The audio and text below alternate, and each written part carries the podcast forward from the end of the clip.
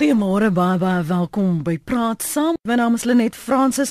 Vanoggend se onderwerp handel juis oor die afgelope week se nuus. Die Gautengse regering hoop om teen die week geskikte verblyf te vind vir psigiatriese pasiënte in hulle sorg.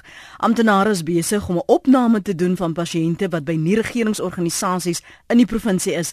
Dit volg na daardie verdoemende verslag van die gesondheidsombud oor die dood van minstens 94 psigiatriese pasiënte wat in die sorg van nie-regeringsorganisasies geplaas is en daardie syfer kan steeds styg, uh, styg skies tog. So watter soort sorg moet psigiatriese pasiënte dan kry en wat moet familie weet indien jy so uh, na 'n geliefde omsien? Ons praat heel eerstens vanoggend met Dr Gerrit Grobler. Hy is die voormalige president by die Suid-Afrikaanse Vereniging van Psigiaters. Goeiemôre Dr Grobler, welkom. Hallo Lene, dankie vir die uitnodiging. Jy is op die komitee wat nou gaan help om nuwe fasiliteite vir die res van die pasiënte te soek. Waarna kyk julle? Wat is daardie voorwaardes waaraan hierdie organisasies moet voldoen? Wel net ek dink dit gaan hier om veiligheid van pasiënte en dit is wat ons ook gesien het nou met die omboedverslag en en die hele uh, situasie wat ontwikkel het is dat die veiligheid en die welstand van pasiënte moet eers staan. So mense wil graag hê dat die uh plekke van versorging die die basiese behoeftes van pasiënte kan uh kan en voldoen. Met ander woorde dat voldoende uh, kos en en water daar is, die uh medikasie wat hulle nodig het beskikbaar is, met die die uh, regte uh personeel wat medikasie kan toedien hmm. en ook algemene gesondheid en ek, mense vergeet soms dat dat pasiënte met psigiatriese geskiedenis ook mediese probleme kry, hartsiektes en uh, jy weet en dis meer. So dit moet kundige mense wees wat uh, ook na die mediese welstand van pasiënte kan omsien. En hulle moet sekerlik 'n uh, rekord hê van hierdie tipe versorging want dit is een van die leemtes wat hierdie verslag uitgewys het, is dat baie wat kwansuis lisensies gehad het, nie 'n dag selfs al na psigiatriese pasiënte gekyk het nie. Ja, wel ek ek dink as mense die nodige kwalifikasies het en die hmm. nodige ervaring, dan jy weet soms meer gaan sit daarna kyk. Hoeveel van, van daardie soort organisasies of fasiliteite is daar in ons land, Dr. Grobler, wat wat nou jou ja, opsies is?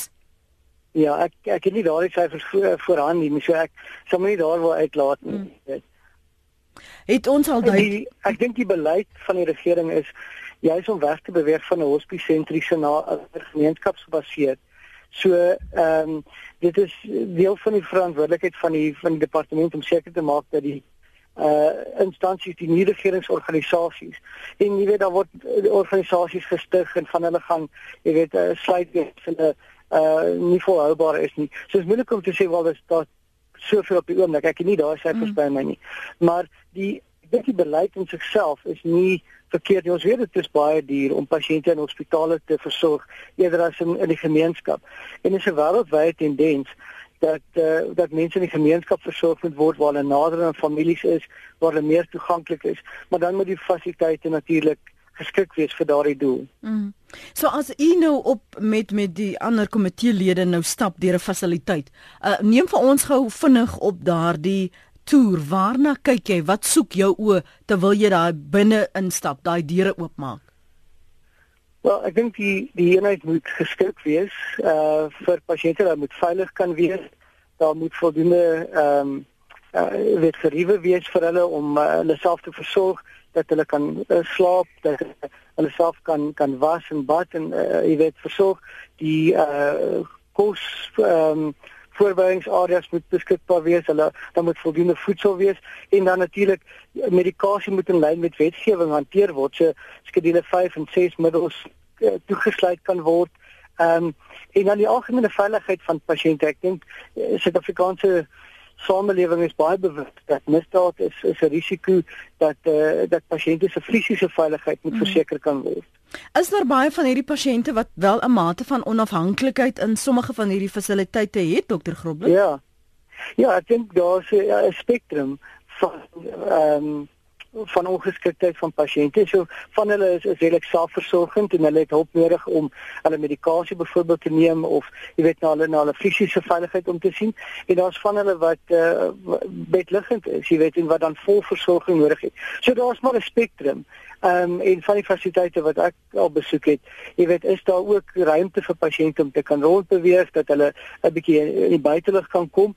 Ehm um, en dan soos ek sê dis wat wat wetgebonde is, jy dan hmm. volle versorging nodig. Uh, ek respekteer die feit dat jy nie te veel kommentaar kan lewer op hierdie verslag nie want dit is 'n ondersoek wat nog aan die gang is. Ehm um, ek ja. so ek sal my bepaal by wat jou pligte nou is. Hoeveel versorgers is ideaal per pasiënt dan?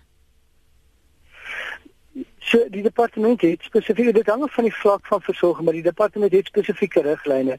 Ehm um, en ek dink deel van die probleem is dat uh ook as mens net kyk na na mediese praktisyns, ons land het 'n tekort aan mediese praktisyns per populasie, jy weet. En dit is nie net in Suid-Afrika, dit is 'n wêreldwye probleem.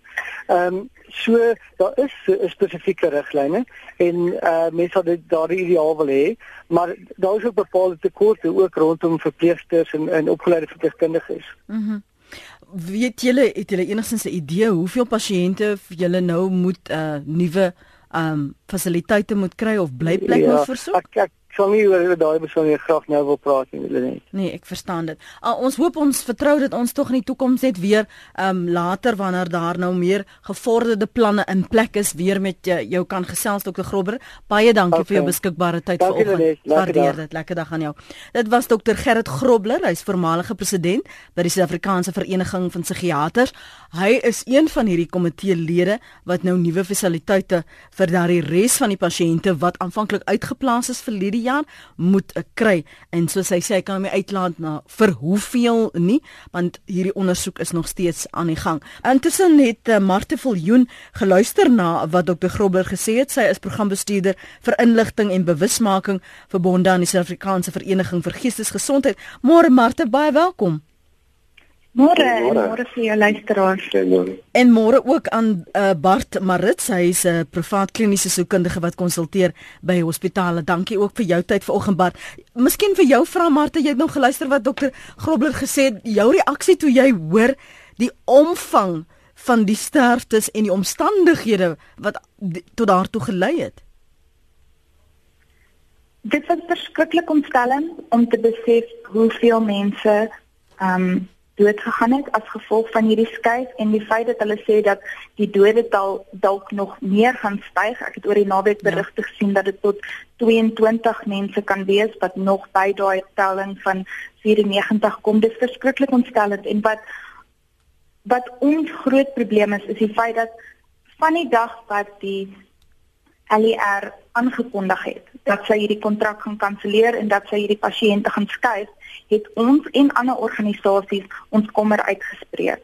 Maar keer op keer is alles wat ons gesê het net van die hand gewys. Hulle wou nie ons hulp hê nie, hulle wou nie luister na raad nie, hulle wou nie luister na wat die ehm um, wat ons vrese was oor hierdie skuif nie. En op die einde van die dag is dit die geestesgesondheids ehm um, dis die geestesgesondheids gebruikers wat onder dit gelei het. Mm. Ons kan maar verwys na na na pasiënte. Ek seker ehm um, net vir die gesprek om dit te vergemaklik. Sê gou eers vir herinner ons, wat was die LER se beweegrede destyds wat daardie skuif vir haar geregverdig het en wat was julle bekommernis en die raad wat julle wou gee destyds? Die LER het gepraat oor die feit dat dit gaan om kostes te bespaar. Sy het ook gesê dat die skuif in lyn is met die gesondheidsbeleidsraamwerk. Hmm. Maar ons probleem daarmee was die geestesgesondheidsbeleidsraamwerk gee baie duidelike riglyne in terme van die feit dat daar eers moet die gemeenskapsdienste moet eers opgegradeer word. Want die nie regeringsorganisasies wat in die gemeenskappe werk kry baie min befondsing, hulle het baie min beddens beskikbaar en baie van hulle kon net eenvoudig nie die vlak van sorg aanbied wat hierdie pasiënte benodig het nie. Hmm. So ons het al daai ons het kommer oor daai goed uitgespreek, maar ons voel asof die skuif heeltemal te vinnig gebeur het. Dan moet eers 'n paar jaar se opgradering van die gemeenskapsdienste plaasgevind het voordat jy hierdie pasiënte uit die hospitale uit kon skuif na die gemeenskap toe. Hmm. Kom ons hoor wat sê uh, dokter, ekskuus, Bart Marits, jy's privaat kliniese sielkundige, jou reaksie veral ook die regverdiging van hierdie skuif aanvanklik. Ja, ek um, ek stem saam met uh, Martie. Uh, dis 'n uh, geweldige skok vir my gewees. Um, mense is amper ongelowig oor oor dit. Ek kan nie glo dat so iets kan gebeur nie. Mm. En dan meer mense daar lees en uitvind uh, natuurlik ook baie woede. Ehm um, want uh, jy kan ons as 'n samelewing toelaat dat die mense wat uh, so weerloos is, as jy op jou mees kwesbare oomblikke is, mm. as jy siek is, ehm um, dat dan niemand uh, wat verantwoordelikheid vat vir jou nie. So uh, ook 'n geweldige hartseer natuurlik vir die familielede van mense wat uh, iemand verloor het waarvoor hulle omgee en dat ek seker al 'n lang pad mee kom um, om te beweer sorg te sê maar. Ehm um, ek ek stem saam dat die skryf wat heeltemal vinnig gewees en ehm um, die kompleksiteit om vir iemand te sorg wat 'n pasiënt is met 'n geestesstoestand is ehm uh, is 'n proses wat deur professionele mense bestuur moet word en uh, dit uh, dit klink vir my of of al die advies en al die voorstelle wat reeds gemaak om hierdie pasiënte so um, verantwoordelik en veilig oor te plaas maar, maar dit is net geïgnoreer. Hmm. En ek dink dis wat mense so geweldig kwaad maak en frustreer. Ek dink wat ons vanoggend ook net miskien vir ander luisteraars wat nie insig het oor hierdie kompleksiteit wat jy noem nie vir hulle ook bietjie in die prentjie bring maar ons kom nou-nou daarby as ons praat oor die verantwoordelikhede nie net van die regering nie maar ook vir versorgers ek daar by die huis ja. wat na 'n geliefde moet omsien. En en wat dit aan jou doen wat dit aan jou jou geeste gesondheid doen en wat die omstandighede is wat ons soms nie eers van kennis dra nie. So skalk is op die lynhuis in die Vrystaat. Goeiemôre skalk. Welkom by praat saam môre net in gaste. Jong, ek het ek het dieselfde pad geloop. Een van my werkers het siek geword, het psigose gekry en ons het gesukkel. Ek het hom in ons rus hospitaal toe gevat. Ek het hom 3 keer gevat. Hy teruggekom. Die derde keer te loop hy weg daar te bel hulle my die maandag het ek hom gevat, die woensdag te bel hulle my toe self my die persoon het weggeloop. Toe sê ek mense, hoe laat julle ou wegloop? Toe sê toe sê ek moet inkom, ons het gaan praat, toe sê hulle vir my, maar dis nie hulle werk om vir so 'n persoon te sorg nie toe na die Vrydag, toe bel 'n ou van Ellen Rich my toe sê vir my hier staan 'n John by hom. Hy weet nie waar hy nie. Hy sê hy werk vir Skalk van der Walt. Toe ry ek die kant toe kry ek vir ou John. Wie wat my hartseer hulle net nê. Ons is in die nuwe Suid-Afrika. Almal moet gehelp word. Ek het Bloemfontein toe gery na daai hospitaal toe daar. Hmm. Ek het amper 'n hele dag gesit daar om vir John net ingeboek te kry.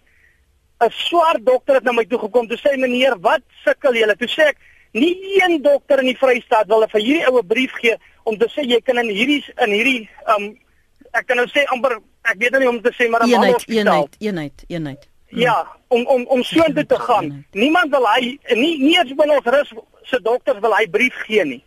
Ek weet nie hoe doen die ouers dit wat sulke kinders het of wat in so 'n situasie is nie, maar ons in plattelandse hospitale is nie aangepas of opgewas om sulke mense te hanteer nie. En die staat sal daarna moet kyk.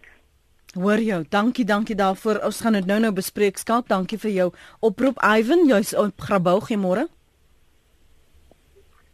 Ivan, praat gerus. Hallo, goeiemôre Lenet. Uh, goeiemôre aan die luisteraars. Mhm. Lenet, eh, hierdie uh, aksie wat hierdie ding wat al gebeur het is is is is erger as Marikana. Ehm um, die die aantal mense wat gesterf is is baie hartseer net. En hierdie ding het net gebeur omrede dat hierdie nuwe uh, um, ANC struktuur in Gauteng hulle het besluit selfs outehuise hulle net uh um veral wit uh, blanke outehuise het hulle se subsidie so gesny tot op die been toe dat hierdie bejaardes so sukkel om hulle uh, die outehuise ook aan die gang te kry en selfs plekke van veiligheid in Gauteng. Hulle het alles gesluit toe hulle in 15 aan beheer kom die nuwe uh um ANC uh, bestuur met Mr David Makura en sy span. Hulle alles wat wat goed was hulle net het hulle probeer om te verander en sê hulle ding was om om te bespaar, maar hulle het so bespaar as jy as jou kleur nie reg is of jy's dis 'n blanke oute huis dan sny hulle vir jou. Okay, dis sy mening daardie. Martie sê, "Hoekom is daar geen terugvoer of enige inset van Dr. Erwin Mtswaledi nie? Hy is mos minister van gesondheid. Ek weet toe die ombudsman die versag bekend gemaak het, het hy daar gesit, uh, Martie. Hulle praat van 94 wat oorlede is, maar bygesê daar is in lykshuise steeds liggame wat onopgeëis is. Hoeveel gesprekke meerendeels oor geestesgesondheid is daar by staatshospitale pasiënte wat dood eenvoudig het sy hulle omtrent nie kan loop, geen bystand en as jy as besoeker inkom 1 minuut te vroeg, hulle is ongeskik maar sit heeldag in gesels en eet maar om pasiënte te hente te versorg beslis nie hulle hoofprioriteit nie. Tragies dat mense lewens deesdae niks beteken nie. Wanneer gaan die minister um in Limpopo was en hy bly stil. Ekskuus. Anita sê My suster het in 2015 selfmoord gepleeg um, deur haarself op te hang terwyl sy in die seclusion facility was van die psigiatriese saal van die Tshwane distrikshospitaal. Sy was juis in 'n plek wat haar teen haarself moes beskerm. Nodeloos om te sê was daar gruwelike nalatigheid aan die kant van die hospitaal. As gesin was ons destyds te diep bedroef om nog 'n regsgeding aan te pak. Hier is maar net twee verwysings van ons luisteraars. Sekerlik dra jy kennis uh, Bart van ander omstandighede en ook die tipe versorging wat hierdie pasiënte moet kry. Ek is seker Martie kan ook uh, daaroor praat. Maar maar praat met my oor die kompleksiteit om te sorg vir vir pasiënte met 'n geestesstoestand voordat ons praat oor wat die verantwoordelikhede dan nou is. Ja, ek ek dink en um, Lenet dit jy weet dit is 'n lang pad voordat iemand gewoonlik ordentlik gediagnoseer word dat gewoonlik na 'n uh, huisdokter toe gaan wat dan sien daar is 'n probleem en dit gewoonlik verwys na spesialiste wat 'n psigiater is en dan van daar af word daar besluite geneem of die pasiënt opgeneem moet word in 'n fasiliteit en wat die behandelingsplan sal wees en dan is daar 'n hele groep gewoonlik hele span mense wat betrokke raak by die sorg van so 'n pasiënt. So ek dink dit is wat dit kompleks maak dat daar is 'n verskeidenheid professionele persone of, of dissiplines wat moet sorg omdat dit so 'n uitdagende deel is van mense wat aangeraak word. Dit is gewoonlik iets wat ehm um, jy weet die belangrikste deel van mense is aantas, die manier hoe ons dink en hoe ons funksioneer en hoe ons planne maak word heeltemal weggeneem van jou en uh, dit laat mense dan uiters weer. En en en as jy dan nodig is dit dan weet is dit dan die verantwoordelikheid van iemand anders om saam met jou hierdie uh hierdie besluite te help maak vir 'n persoon om om weer onafhanklik te kan probeer funksioneer. Mm. Um, nie in die verlede maar dit het ons dikwels gesien dat pasiënte wat psigiatriese probleme gehad het is uitgestoot, weggesteek asof hulle nie bestaan nie, asof hulle nie 'n identiteit het nie. Daar was skande in baie gesinne. En nou is daar 'n beweging om om meer inklusief te wees, om hulle meer deel van die gemeenskap te maak en nie meer so verworpe te laat voel nie.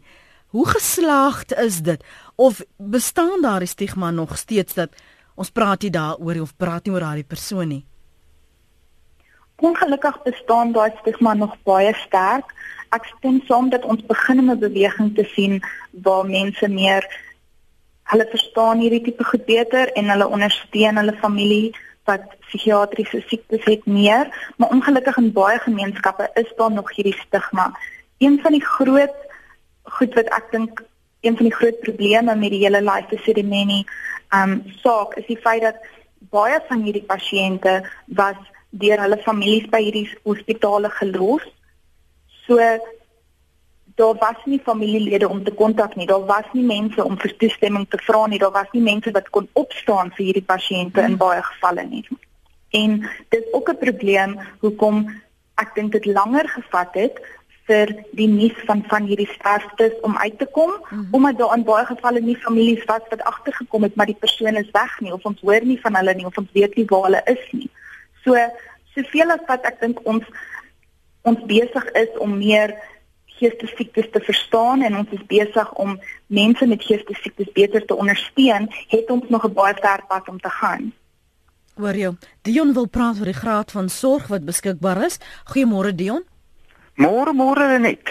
Weet jy dat in 1961 het professor Lamont, hy was op daai stadium professor in psigiatrie by Tikkies en hy was direkteur van geestesgesondheid in Suid-Afrika. Nou professor Lamont het vir ons gesê dat die graad van beskawing kan gemeet word aan die ouderdom wat Down-sindroom mense, kinders bereik in 'n land. En dan tweedens, die manier en die versorging wat jou geestesgebrekkige mense in plekke soos Weskoppies geniet.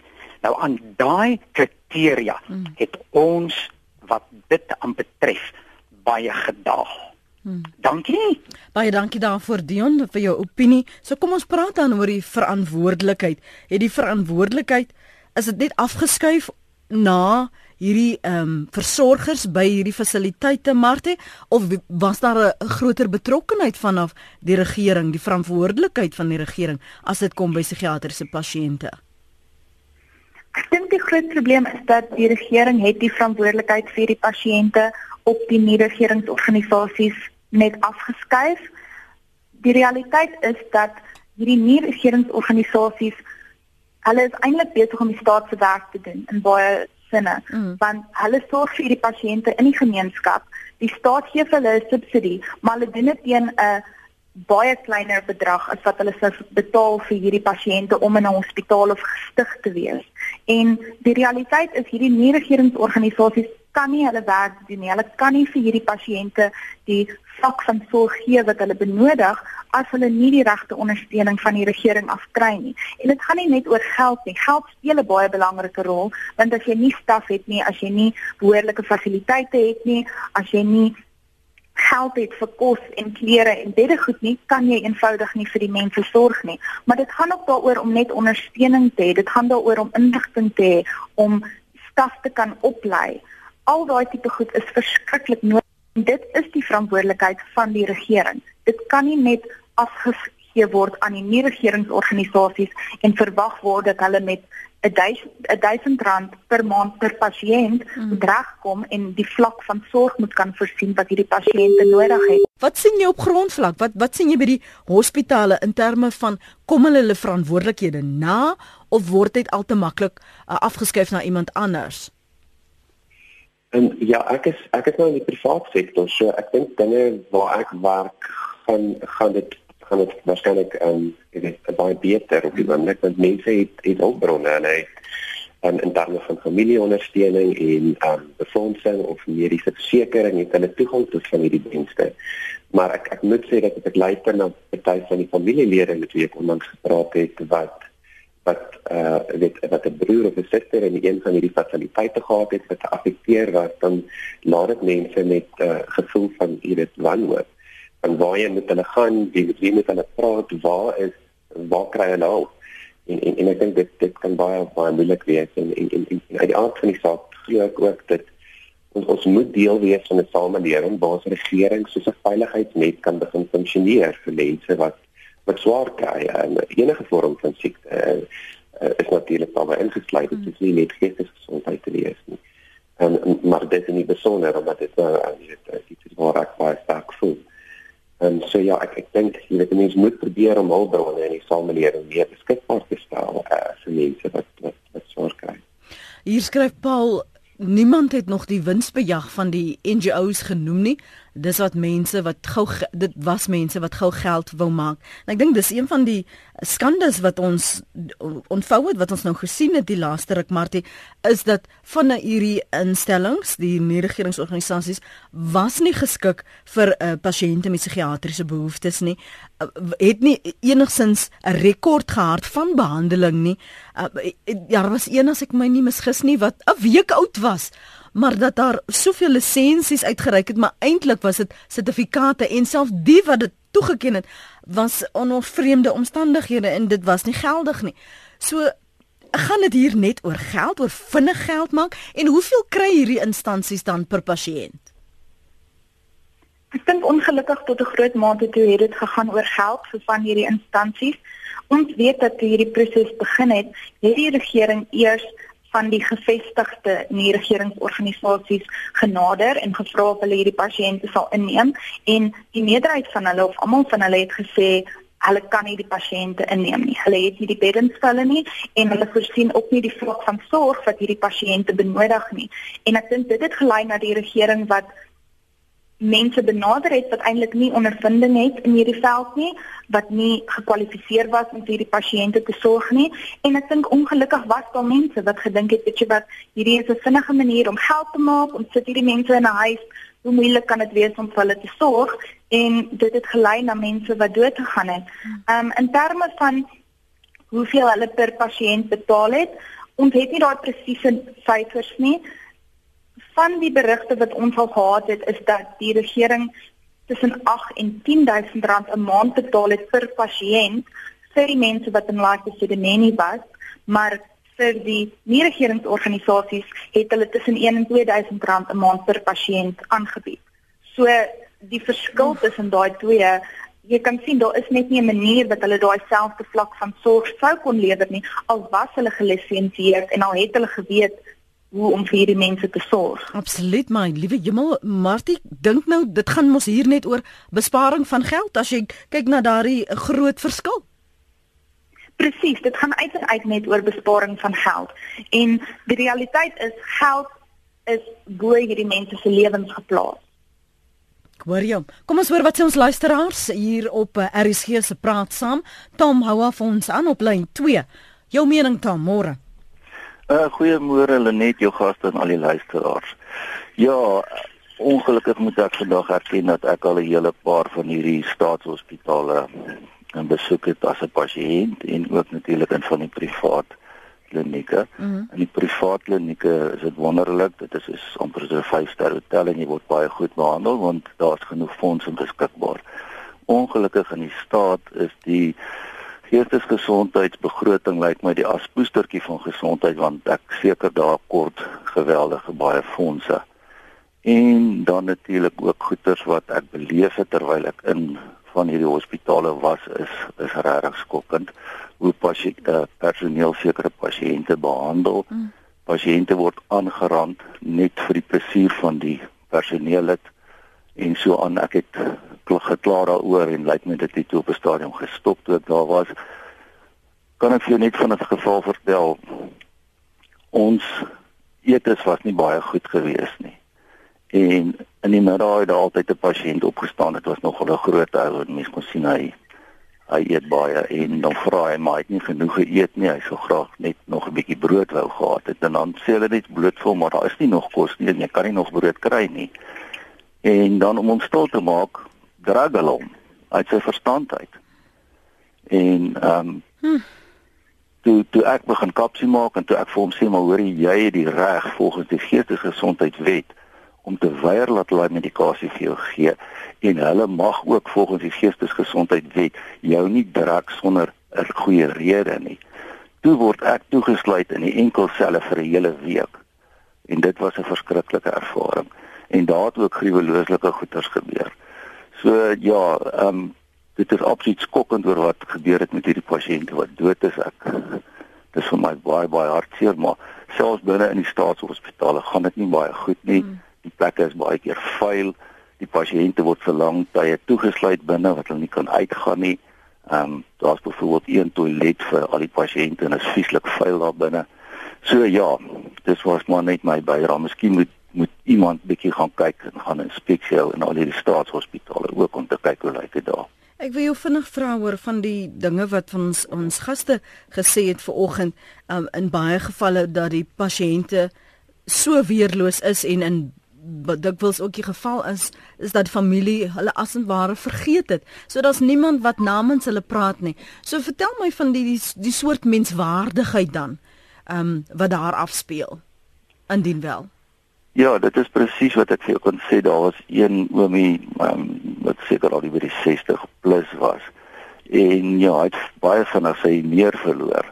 Dan sal hierdie een personeel het byvoorbeeld hom gaan terg, jy weet. En totdat hy sy meer verloor en dan dan word hy geslaan en maar hy word daar dan behandel. So rarig word party van party van die goeders wat daar gebeur is is is regtig skokkend. Ek kan nie dink daar's baie goeie personeel ook, moet mm. nie verkeerd verstaan nie. Daar's baie goeie personeel wat baie mooi na die pasiënte kyk, maar ongelukkig kry mense ook dat daar verkeerde goeders gebeur daarso. Kan ek net nog 'n laaste vraag vra voor jy gaan? Wat dink jy is die een persepsie wat jy sou wil aanspreek uh, na buite wat mense dink oor pasiënte soos jy en ander wat psigiatriese hulp benodig?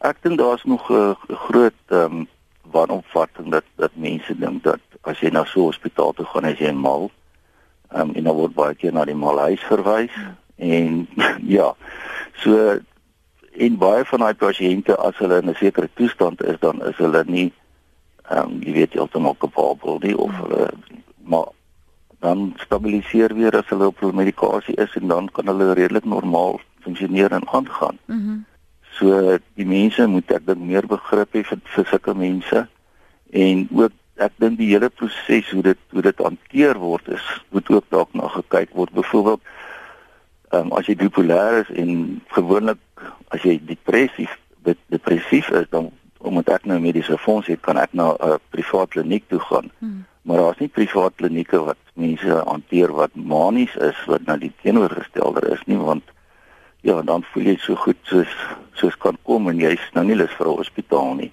Ja. En dan as jy gesertifiseer word, is dit ook 'n aardige ondervinding en dan stuur hulle die polisie om jou met geweld hospitaal toe te vat. En as die polisie eers by jou opdaag en jy moet geweld hospitaal toe vat, dan verloor jy dit heeltemal. Hmm. Dan, dan dan raak jy reg van jou kop af. Ja. Baie dankie vir jou openhartigheid Tom en jou oproep waardeer dit. Ehm um, Tom wat daar sy ervaring met ons deel Franna. Hallo. Praat gerus. Ek nee, Rara, ek is nou bevoorreg om met julle te praat. Ek deel dieselfde simpatie met al die mense. Die wie is die dametjie wat praat? Ek het daar nou hier teen die einde opgevang. Sy was twee gesprekke. Sy is die ene wat eintlik saam met jou die onderhoud voer. O, dis Marte. Ek wil net vir haar sê ons weet wat sy sê is is presies waar. Die staat uh, gee baie keer 10000 rand per pasiënt aan hulle eie mense uh om genees te kom. Ek skiet ek sit hier op die hoofweg mm. aftrek om met julle te praat en dan verwag hulle van 'n uh, nie-regeringsorganisasie en ek sê dit met miskien 'n bietjie getemperdheid, maar verwag hulle van ons om met baie minder geld. So sy nou gesê dis R2000, dit is omtrent daar. Ek dink is nou so R2750 om met daai baie minder geld dienste te lewer en ek sê dit regtig met eerlikheid, ons lewer op die ou ende baie beter dienste as wat die staat partykeer lewer. Hmm. Lewer. Uh, en en daarom dink ek die persone wat sê dis 'n besigheidstorie, dis hierdie fly by night ouens wat nou dink hulle kan gou-gou 'n vinnige geldjie maak. Maar vir al jou kerklike organisasies, jou jou ouens wat op reg kerklik optree, wat strukture in plek het en kinderhuise en uh, huise vir brose mense uh, uh, uh, in plek hou. Daai ouens probeer regtig hulle bes te gee en ek eer hulle vanoggend. Baie dankie dat ek met julle kon praat. Dankie vir jou oproep en moeite veilig verder ry en Christa, ons luister môre. Uh goeiemôre. Uh ek is Christa Burger. Ek is 'n maatskaplike werker in Bloemfontein wat juis werk met geestesongestelde mense. Uh weet jy die teorie van die familie en die gemeenskap wat die uh, pasiënte en die kliënte moet versorg? Uh, uh dis soos jy weet dit dis 'n euforie, dis wat ons graag wil hê moet gebeur, nê. Mm -hmm. Maar die realiteit is dat die mense glad nie, hulle familie versorg glad nie daai mense nie. Alwaarin hulle belangstel is hulle toelaag wat hulle kry 'n maand en verder eh, is hulle glad nie bekommerd oor die mense nie. Ons kry ons kliënte wat in die strate ronddwaal, ehm um, wat die familie glad nie versorg nie. Dan moet ons nou ongelukkig staat maak op vrywilligers in ons gemeenskap uh, wat hulle huise oopmaak om na hierdie mense te kyk en hulle te versorg. Mm. Maar ongelukkig moet hulle dan nou hulle toelaag wat hulle ontvang aan daai mense betaal om hulle te versorg omdat hulle glad nie 'n subsidie kry om die versorging te doen nie. Dis 'n bose ja. kringloop. Dit is, dit is regtig. Jy weet, uh, geestelike gesondheid het ek nog altyd gevoel, uh, sy gaan nie agterspeen as dit kom by hmm. subsidies uh, by die deur die staat. Ehm um, ek, en ek hoop nou regtig met hierdie dinge wat nou gebeur het, jy weet skrik iemand wakker en en, en besef dit is eintlik 'n groot probleem in ons gemeenskappe. Ehm um, hoeveel van die mense weet ons nie van nie omdat daar so 'n stigma aan aan dit aan dit kleef. Ehm um, jy weet dat dat die mense net hier vorentoe kom en sê hoorie maar ek het 'n persoon in my huis wat dit en dit bipolêr is of aan depressie ly mm.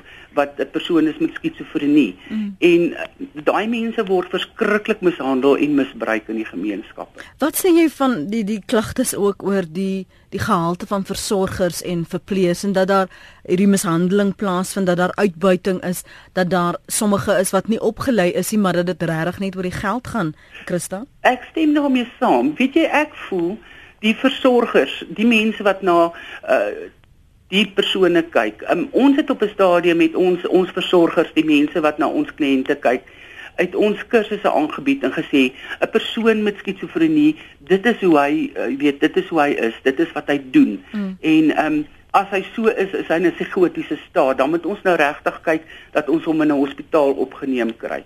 So opleiding nommer 1 hoe om hierdie mense te hanteer, mm -hmm. dink ek is is verskriklik belangrik. Ek meen nie enige een kan kan na so 'n persoon kyk nie. Uh as jy nie weet wat is sy gedrag nie. Mm. Ons het nou weer.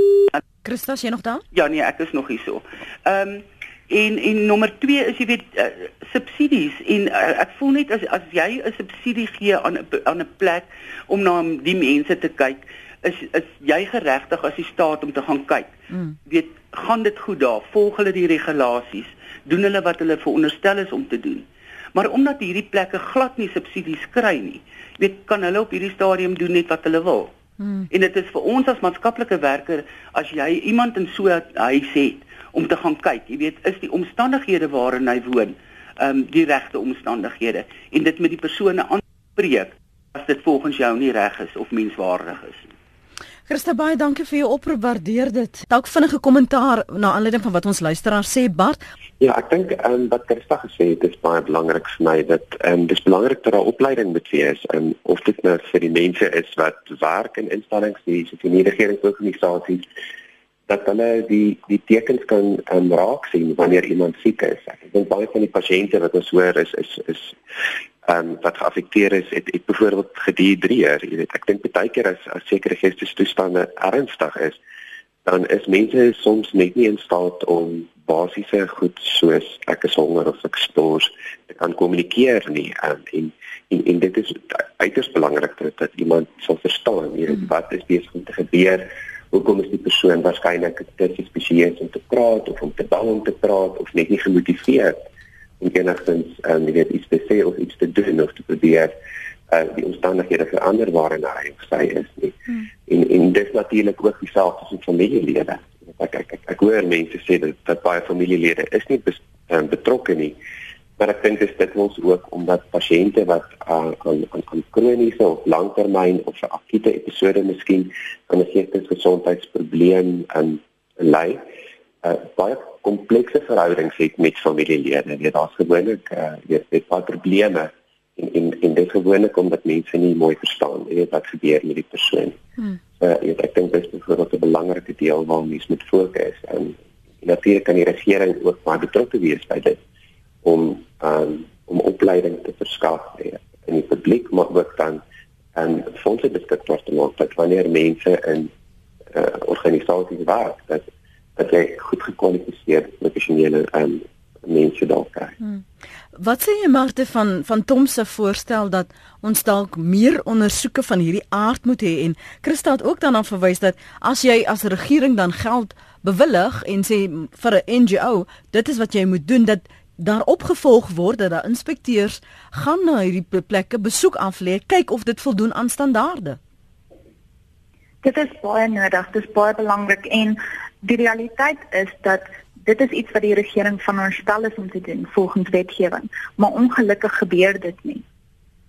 Met die hele laaste sedimenie saak byvoorbeeld het die regering gesê dat hulle al hierdie NGO's gaan besoek, hulle gaan gaan seker maak dat dit veilig is, dat dit reg toegepas is vir die pasiënte, maar nou begin daar berigte uitkom wat sê dat van hierdie plekke was nooit besoek nie of van die besoeke het eers plaasgevind toe pasiënte begin doodgaan het. Hmm. So daai is iets wat veronderstel is om die heeltyd te gebeur. Elke paar maande moet daar iemand kom wat inspeksie doen om seker te maak is die pasiënte gesorg, is die sorg wat hulle ontvang reg, is daar genoeg staf, is dit veilig vir hulle daar? Ek dink dit is definitief iets wat nodig is en hopelik met alles wat nou gebeur met die ondersoeke en alles sal daar dalk beter riglyne in plek gesit word sodat dit 'n realiteit word. Stem jy saam met wat Christa sê dat die familie verstaan nie werklik wat dit vat om na so 'n persoon te kyk nie. Verstaan nie dat daar opleiding nodig is nie. Dat dit eintlik maar net geld oor geld. Ek dink dit tot 'n mate toe is dit waar. Ek ek dink dit is moeilik vir mense om te verstaan. Party mense sal byvoorbeeld nooit 'n dag in hulle lewe depressief voel nie. Dit is net nie hoe hulle is nie, dit is nie hoe hulle brein werk nie. So vir iemand so dit om nou te verstaan dat iemand so depressief is dat hulle nie in die oggend uit die bed uit kan klim nie, dis moeilik. As jy nie weet wat die simptome is nie, as jy nie verstaan wat agter dit lê nie, as jy nie verstaan wat se ondersteuning en hulp hierdie persoon nodig het nie, hmm. dan gaan dit vir jou baie moeilik wees.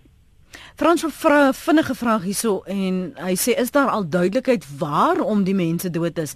As hulle byvoorbeeld dood omdat hulle nie medikasie ontvang het nie omdat hulle self dood gepleeg het, mekaar dood wa, waaraan is hulle dood? Ons weet hulle het gesterf nadat hulle na ander versorgingseenhede oorgeplaas is, maar daar's geen rede uh, vir die sterftes nie. Wat sê die nadoodse ondersoeke? Het ons al so ver gevorder? Marte? Wel, ehm um, uit die ombud se, se verslag het hy gesê dat baie van die mense is dood. Dis uit en uit net nalatigheid geweest. Ehm um, hulle is dood omdat hulle nie kos gehad het nie, hulle is van honger dood, hulle is van dors dood, of van hulle wat self dood gegaan het omdat hulle koud was. Hulle het nie komberse of warm klere gehad nie. So dit is die meerderheid van goed is uit en uit dis mishandeling. Voorkombaar. Hulle ja. moes nie in daai ja, hulle moes nie in daai omstandighede gewees het nie en ek dink die feit dat baie van hierdie mense nie in staat was om basiese behoeftighede te kan voorvra nie is 'n groot probleem. Um as jy nie in staat is om te sê weet jy wat ek is dors of weet jy wat ek is honger of ek kry koud nie, as die mense wat vir jou sorg nie weet dat jy nie in staat is om self vir daai dinge te vra nie of dat hulle daarvoor moet uitkyk nie. Dis asof hulle net nie geweet het dat hierdie mense so um nie na hulle self kan kyk nie of dat hulle nie kan vra vir basiese goed wat hulle nodig het nie. Hmm. Wat sou jy in plek wil sien, eh, Marte, voor ons weer so 'n voorval kry? Wel, ek dink dat die realiteit is ons het baie goeie um legislasie in Suid-Afrika, um wat veronderstel is om te keer dat hierdie goed gebeur, maar die probleem is dit word nie geïmplementeer nie. As die geestesgesondheidsbeleidsraamwerk reg geïmplementeer word, sal gevalle soos hierdie nie gebeur nie. So ek dink nie dat dit eers gaan daaroor dat ons nuwe beleid nodig het of nuwe wette nodig het in Suid-Afrika nie. Ons het net nodig om die beleid wat klaar bestaan mm. eintlik in plek te sit. Frans, uh, Frans, so ekskuus, Bart, wat sou jy wou sien? Ja, ek stem heeltemal saam. Ek dink ons het 'n wonderlike konstitusie wat basiese menseregte baie duidelik uitspel en dat dit net geïmplementeer en gereguleer moet word. Um, weet ek dit is dit is iets wat net nooit weer mag gebeur nie en, en ek dink dan moet uh, aanspreeklikheid wees vir mense wat verantwoordelik word wees vir vir hierdie um weet vir die sorg.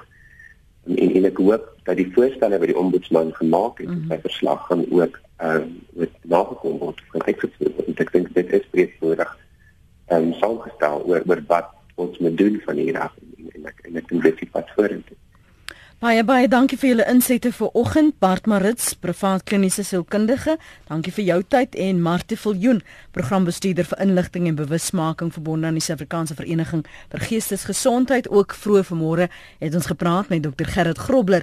Hy is 'n voormalige president by die Suid-Afrikaanse Vereniging van Psigiaters en hy's een van daardie komiteelede wat nou na nuwe fasiliteite moet begin soek vir daardie pasiënte wat oorgeplaas moet word. Dis 'n gesprek wat lanklik klaar is nie. Ehm um, soos Martie sê daar is 'n beleidsraamwerk in plek, maar dit moet geïmplementeer word. Vergewe my dat ek so struikel nou en die kompleksiteit uh, van die sorg wat uh, geestesgesondheid pasiënte of dan nou psigiatriese pasiënte moet kry. Uh, dit het ons ook nog nie lank oor gesels nie. Genoeg oor gesels nie. Babs van der Merwe sê waar is die hospitaalrade? My raad aan beswaarmakers vir my om van hulle te praat, sit jou beswaar op skrif, wees feitelik presies name, datums, afskrifte van kommunikasies en bevestig telefoniese gesprekke skriftelik sê Babs van 'n Merwe. Dis nou vir diegene wat veral kla of dan nou vanuit hulle persoonlike ervaring praat ook na aanleiding van wat Tom vanmôre gesê het. Dan skryf uh, nog 'n luisteraar ek self het 'n psigiatriese afwyking en het verwerping beleef uit verskeie oorde. Jy word gesien as onstabiel en van jou kop af jy word dan uitgeskuif. Arena van George sê ek is bekommerd oor die gehalte van die versorgers en verpleegers. 'n Toegewyde verpleer sal alles gee. Klaar die versorgers aan. En dan sê Martie mense in diens van hospitale en versorgingsinstansies is deesdae ook nie te fliks om te werk nie.